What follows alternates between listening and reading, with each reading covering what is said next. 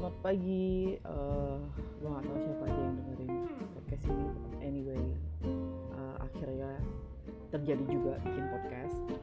Uh, hari ini suddenly punya mood untuk bikin podcast ini karena tadi melihat uh, Instagram story-nya one of my friend Neki uh, dia bagi story dari postingan BuzzFeed judulnya Women Are Playing a Female Reality Version of Never Have I Ever and It's Heartbreaking. Jadi kayak ini itu ada beberapa pertanyaan dan kalau misalnya kita pernah mengalami maka kita harus uh, meletakkan uh, jari kita gitu.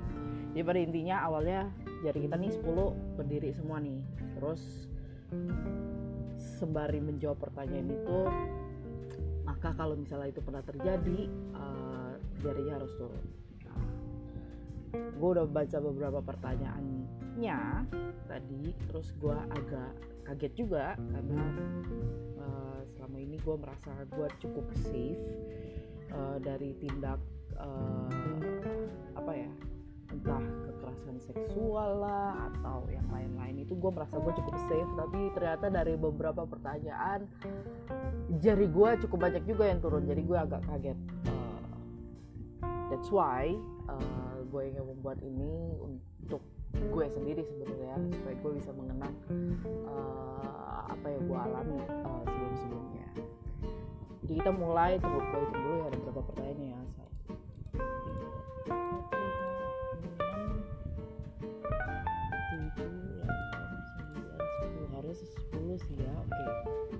kita mulai dari pertanyaan pertama. Put a finger down if you have been drugged uh, enggak. Jari gue gak turun di pertanyaan ini karena gue gak pernah di apa sih kalau di drug itu uh, dikasih obat sama orang lain sampai uh, gue mungkin pingsan atau segala macam gue gak pernah ngalamin itu. As far as I know never So, pertanyaan kedua, put a finger down if your friends have been drugged.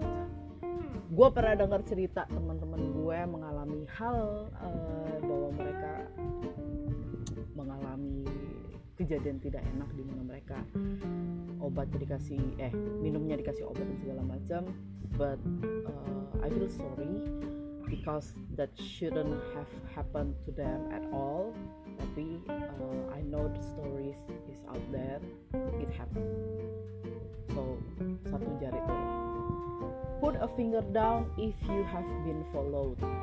Believe me or not I have been. Oh my god. I think uh, salah satu cerita atau bukan salah satu pengalaman gue diikutin orang itu yang paling gue inget ya dan yang sampai sekarang tuh kayak masih terpatri di kepala gue itu adalah waktu gue jalan-jalan di Sri Lanka. Di sebuah kota kecil namanya Weligama and you should have known gue waktu itu menggunakan pakaian yang sama sekali doesn't have us any sex appeal at all.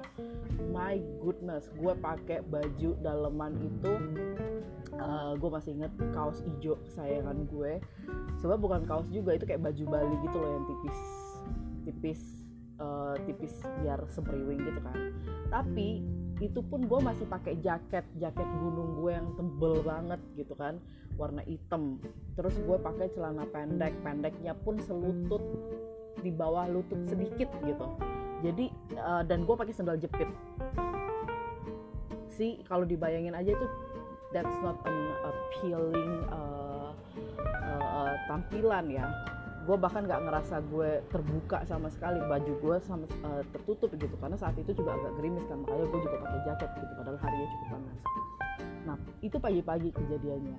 Gue lagi jalan nyusurin pantai uh, tahu-tahu ada orang naik sepeda pakai payung. Gue masih ingat warna payungnya adalah warna rainbow. I have the picture of him but from the back. Itu gue ambil sebelum uh, kejadian gue ngeh dia ngikutin gue. Karena gue merasa lucu ya karena dia dia pakai payung uh, rainbow gitu.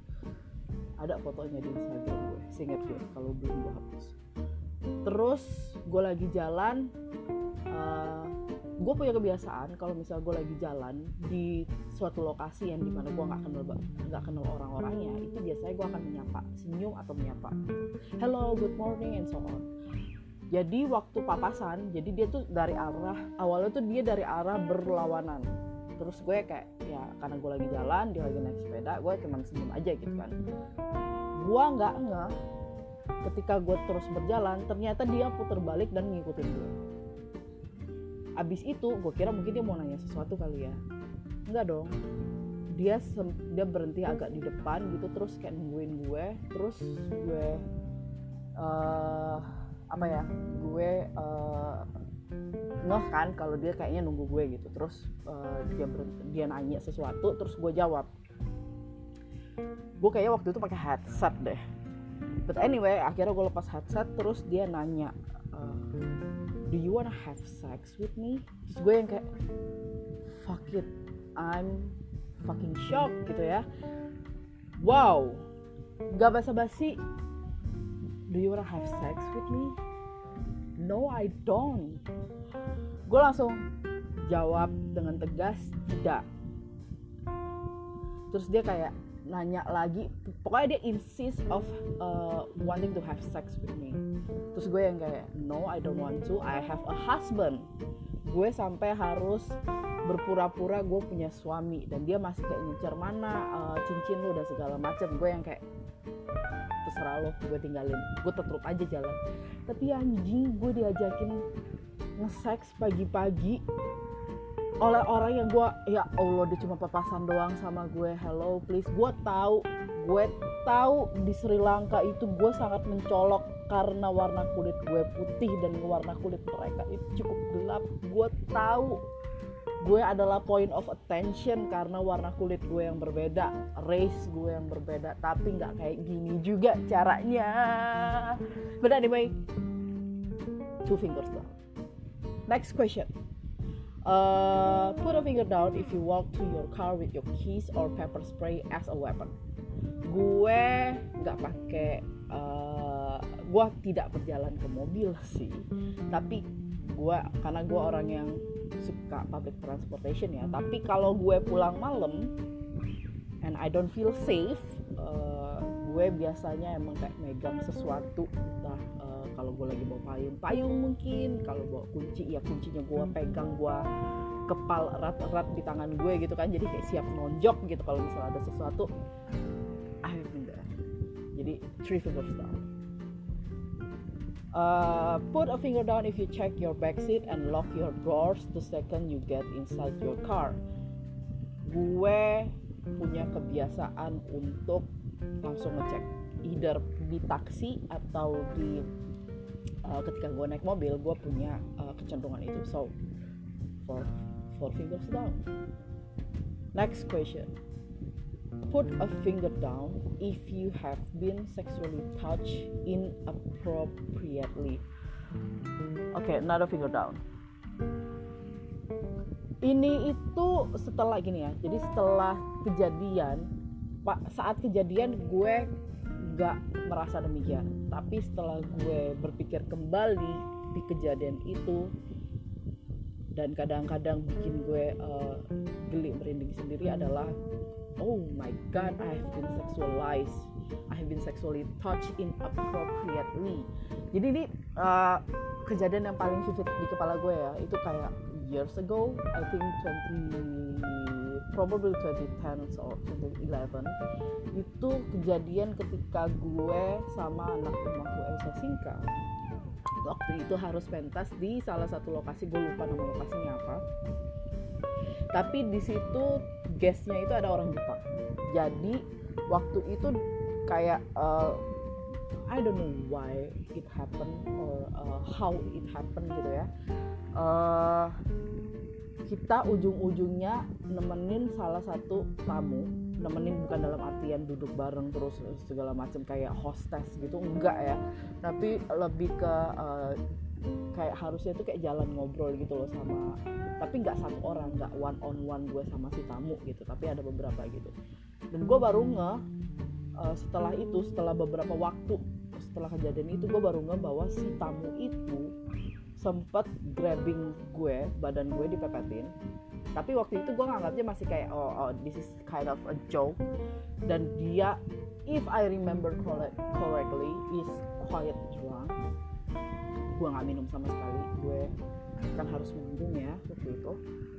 Uh, dan gue juga nggak punya kebiasaan minum dengan orang-orang asing buat gue gue inget dia sempat tarik badan gue dan megang-megang kuping gue.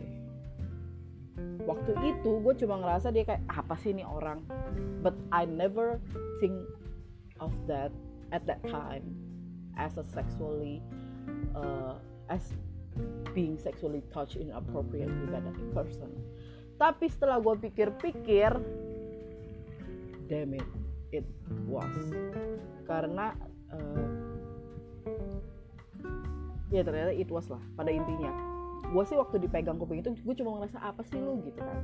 I don't feel it is a it, it was a sexually kind of experience. But setelah gue baca-baca kata orang itu kuping adalah salah satu point of uh, I don't know sexual intimacy and so on mungkin dia berusaha merangsang gue atau whatsoever gue nggak tahu tapi yang jelas gue waktu itu cuma merasa nggak nyaman. I don't feel like he was actually sexually touching me but he is touching me inappropriately because it was my ears. It, it was my it was my ears right? Terus ya udah dan itu baru gue kepikiran dan gue mengalami pelecehan seksual ya saat itu ya. Itu setelah beberapa waktu dari kejadian itu sendiri it was kinda a long retrospection next uh, okay so how, how many fingers I have I think five. Uh, next question put a finger down if you did something with a man that you didn't want to do because you were scared to say no for your own safety? The answer is yes, uh, but not in a but not something sexual with a man. Like gue uh, pernah merasa oke okay, kalau gue jawab no, I don't really feel safe uh, for my safety, so I just follow it. Tapi nih ya salah satu situasi yang pernah gue alami adalah masih di India juga. Jadi gue di scam sama seorang biksu sebenarnya. Jadi kayak dia pakai pakaian mong gitu terus dia uh, minta sumbangan dan segala macam gitu. Dia dia bilang iya harus ke sini ke kita ngikutin aja sih. Tapi di awal kita ngikutin tapi gue waktu itu berdua ya sama turis lain gue lupa dari mana turis dari Taiwan kayaknya gue sama teman turis gue itu ngikutin dia awalnya cuma satu kan lama-lama dia kayak ke, keliling ke beberapa lokasi yang harus kayak disembayangin kemudian dikasih sumbangan dan segala macam gitu. Pas di satu oke. Okay. pas di kedua tuh kayak mulai aneh mulai ini kan. Tapi we don't really feel safe to say no at that time because temen turis gue itu juga perempuan jadi kita semacam ya udahlah kita ikutin aja flownya gitu sampai mana. Sampai ujung-ujungnya tuh si Mong itu kayak nganterin kita ke restoran supaya kita makan dan harga di restoran itu cukup mencengangkan gitu. Kayak kalau dibanding hari sebelumnya gue makan tuh kayak harganya bisa kayak tiga kali lipat dan kita tuh kayak ya sudah lah ya. Itu sih intinya tapi nothing sexual Terus next question, put a finger down if you have experienced something really scary or even illegal and you were scared to report it because you didn't think anybody would listen because I didn't think anybody would listen. Is there any? I don't think so. Probably because I don't really. Uh, I'm not a title tell person, and I think what I experienced so far is not something that I need to tell an authorized person so far. I guess so. No. Hmm. no I don't think so okay. Gue gak berpikir gue pernah mengalami hal ini ya. Scary or even illegal and you were scared to report it because you didn't think anybody would listen. I don't think so. Because gue ya gue bukan tahu sih tapi gue tipikal yang kalau gue merasa itu perlu dilaporkan ya gue harus gue akan melaporkannya gitu. Karena gue tidak pernah berpikir bahwa orang lain tidak akan mendengarkan gue sih kayaknya ya. So far dalam ingatan gue wait gue berpikir beberapa detik dulu. Enggak sih oke okay, next question. Kayaknya enggak ya. Next question. Put a finger down if you if when you hear or see a man running behind you you freak out. Oh fucking yes yes. Another finger down. Gue, gue termasuk orang yang cukup sering pulang malam malam dalam artian bahkan tengah malam jadi situasinya udah sepi. Jadi ketika gue mendengar suara bahkan orang berjalan aja dan gue melihat bayangannya adalah bayang laki-laki I totally freak out because I don't know what will happen next gitu ya. Jadi biasa gue akan memelankan langkah gue uh, sampai dia lewat duluan baru gue jalan lagi. Jadi dia berada di posisi di depan gue. So oke okay. next question last question put a finger down if something bad happened to you and the men who were around you that you thought you that you thought would protect you didn't. Pernah ya? I think so. Ya pernah sih. Tapi dalam situasi apa ya? Gue merasa pernah tapi kayak gue harus berpikir lebih jauh lagi. Uh, tapi ini biasanya kayak dalam konteks yang cukup mild ya dalam situasi misalnya uh, sexist jokes gitu dan gue merasa kayak temen-temen gue ya diem aja gitu ya nggak melakukan sesuatu. Tapi gue juga bukan tipikal yang kayak uh, standing out dan hey itu lo sedang melecehkan gue. Enggak sih nggak yang sampai segitunya. Gue tipikal yang lebih mencatat oh cukup tahu dia orangnya kayak gitu. Tapi iya adalah di mana ada adalah situasi di mana gue uh, menghadapi something bad uh, dan teman-teman gue uh, tidak menolong gue. Tapi tidak dalam situasi yang severe atau atau yang cukup membahayakan gue ya lebih ke light light bad gitu. Bad tapi yang masih ringan uh, levelnya. So how many fingers? Wait uh, gue harus dua tiga empat lima enam tujuh 8 so 8 8 men. Kaget gue. Seperti yang disebut di awal gue merasa gue orang yang cukup safe ya so far. Karena gue uh, pergaulan gue cukup uh, gue tidak ingin bilang cukup baik tapi gue merasa gue sudah memilih teman gue dengan baik sehingga gue tidak berada di dalam situasi yang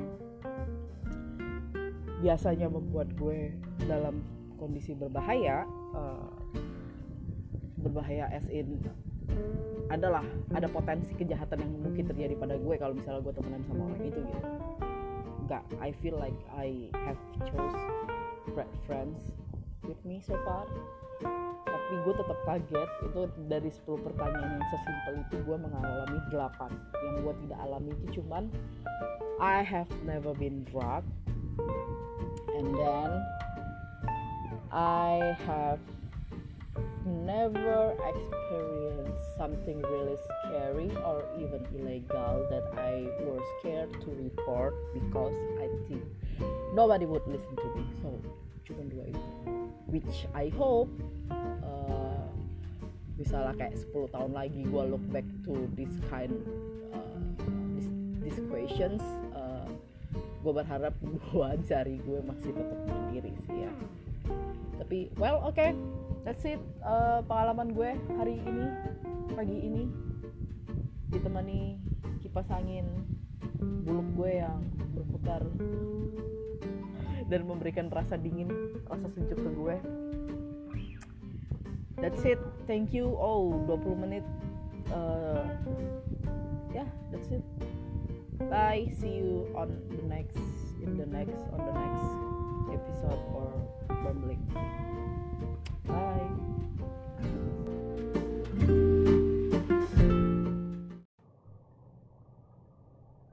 Ini sebenarnya afterthought dari uh, podcast podcast yang gue main Never Have I Ever yang dari BuzzFeed itu ya tapi gue terus jadi kepikiran karena uh, nggak gue nggak dalam posisi traumatis atau segala macam ya tapi gue dalam posisi yang kepikiran kalau semua kejadian yang gue hadapi uh, sebagai perempuan seperti uh, apalah rasa takut di malam hari pas jalan gitu ya I feel unsafe uh, rasanya mengalami pelecehan seksual yang di Sri Lanka itu bagaimana gue kemudian uh, sampai saat ini tuh gue masih bisa mengulang uh, situasinya dengan vivid di dalam kepala gue. Terus juga kejadian yang uh, bersama orang Jepang itu ya gue sampai sekarang gue kalau kepikiran itu kayak gue masih bisa merasakan bayangan sentuhannya di kuping gue. Ini apa ya? Gue nggak tahu sama yang lain itu seperti apa tapi pengalaman gue seperti ini tuh ternyata membekas membekas di badan gue tanpa gue sadarin. Jadi sekarang setelah membuat podcast tadi gue jadi apa ya semua kejadian yang menurut gue related itu jadi mampir lagi keingetan kan. Dan dan membuat badan gue merasakan kembali ya rasa saat itu gitu. Jadi gue sekarang dalam kondisi yang wow cukup overwhelming juga. Tapi tidak dalam kondisi yang gue traumatis sampai gue uh, tertrigger gitu ya sampai tidak bisa melakukan apa pun enggak. Tapi lebih ke perasaan yang kilas balik yang reflektif gitu loh yang kayak wow wow ternyata wow gue inget kejadian pelecehan seksual yang gue alamin di bus waktu naik bus gitu dipepetin bapak-bapak udah tahu jelas-jelas ruang uh, ruang di dalam bus itu masih cukup lebar tanpa dia harus mepet ke gue gitu kan. Atau kejadian-kejadian seperti uh, gue lagi duduk bersila gitu terus salah satu yang orang yang gue anggap sebagai uh, teman lah anggaplah. Kemudian melemparkan sebuah notes gitu ternyata emang sengaja mengarah ke arah kelamin gue gitu. Terus terus kejadian ketika gue pulang dari suatu seminar di Borobudur gue naik kereta ternyata seorang ibu-ibu di depan gue mengalami uh, pelecehan seksual yang ternyata dia dipepet sama uh, seorang penumpang cowok lainnya yang tangannya sengaja disilakan di depan dada dia ternyata jarinya uh, menunjuk-nunjuk atau menowel payudara si ibu itu. Dan gue ketika tahu gue malah shock. Gue gue diem tidak bisa melakukan apa pun gitu. Jadi kayak wow. Wow sekarang semua lagi kilas balik. Jadi I feel a little bit overwhelmed but okay. Quiet an experience. That's it just an afterthought